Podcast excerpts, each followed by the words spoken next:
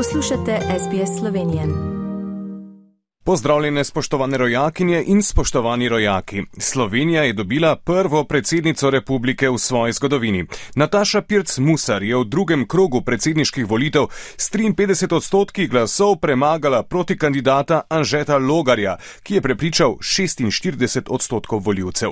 Volitev se je odeležilo 53 odstotkov vseh volivnih upravičencev, kar je več kot v prvem krogu volitev. Pirc Musarjeva je po objavi rezultatov poudarila, da so ljudje na demokratičnih volitvah z demokratično večino povedali, kakšno Slovenijo si želijo. Napovedala je, da bo garala za temeljne človekove pravice, ustavne pravice in demokracijo. Poslušajmo njeno izjavo. Maksimalno se bom potrudila, da se bomo vsi skupaj v politiki poenotili na strateških temah. Sem za kakovostno javno zdravstvo, za vse vrste varnosti. Človekova varnost je tista, ki mi je blizu.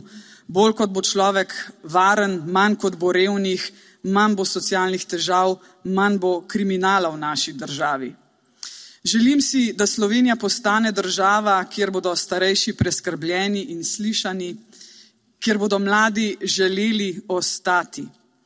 Želim si Slovenijo, kjer se bomo bolj zavedali, da nas čakajo hudi časi zaradi podnebnih sprememb, Mladi nam zdaj na politična ramena nalagajo odgovornost, da poskrbimo za naš planet, da bodo naše naslednje generacije, torej naši otroci, živeli v zdravem in čistem okolju. Nataša Pirc Musar bo dosedanjega predsednika republike Boruta Pahorja nasledila čez dober mesec dni.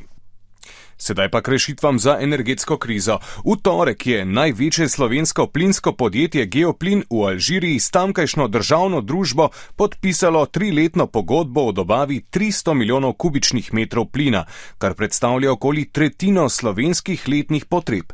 To je pomemben korak pri zagotavljanju energetskih potreb Slovenije, medtem ko se uvoz ruskega plina praktično zaustavlja.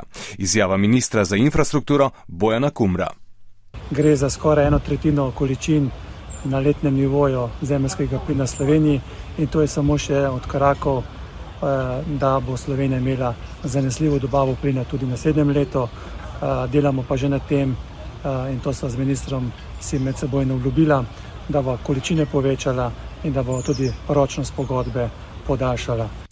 Pri urjenju ukrajinskih vojakov, ki se borijo proti ruski agresiji, bi v sklopu Evropske misije lahko sodelovala tudi Slovenija.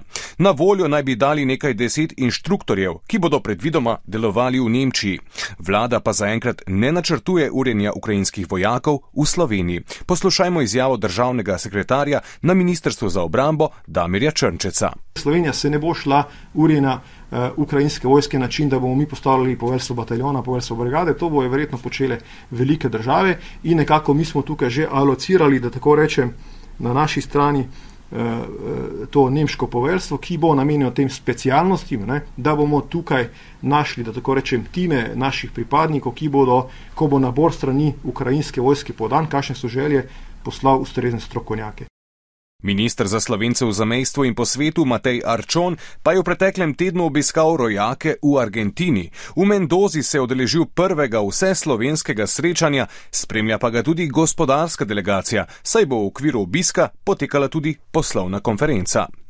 Potem, ko smo po dveh krogih izvolili prvo predsednico države, v prvi polovici leta dobili nov državni zbor in vlado, nas v nedeljo čaka v Sloveniji še prvi krok lokalnih volitev, na to pa čez sedem dni še trije referendumi. Pri nas v Sloveniji je torej pravo supervolilno leto. To je bil pregled pomembnejših novic tedna, ki se izteka. Za vas sem jih pripravil Žan Dolajš. Vse dobro vam želim. Do prihodnič. Želite slišati sorodne zgodbe? Prisluhnite jim preko Apple ali Google podcasta, preko aplikacije Spotify ali kjerkoli drugje.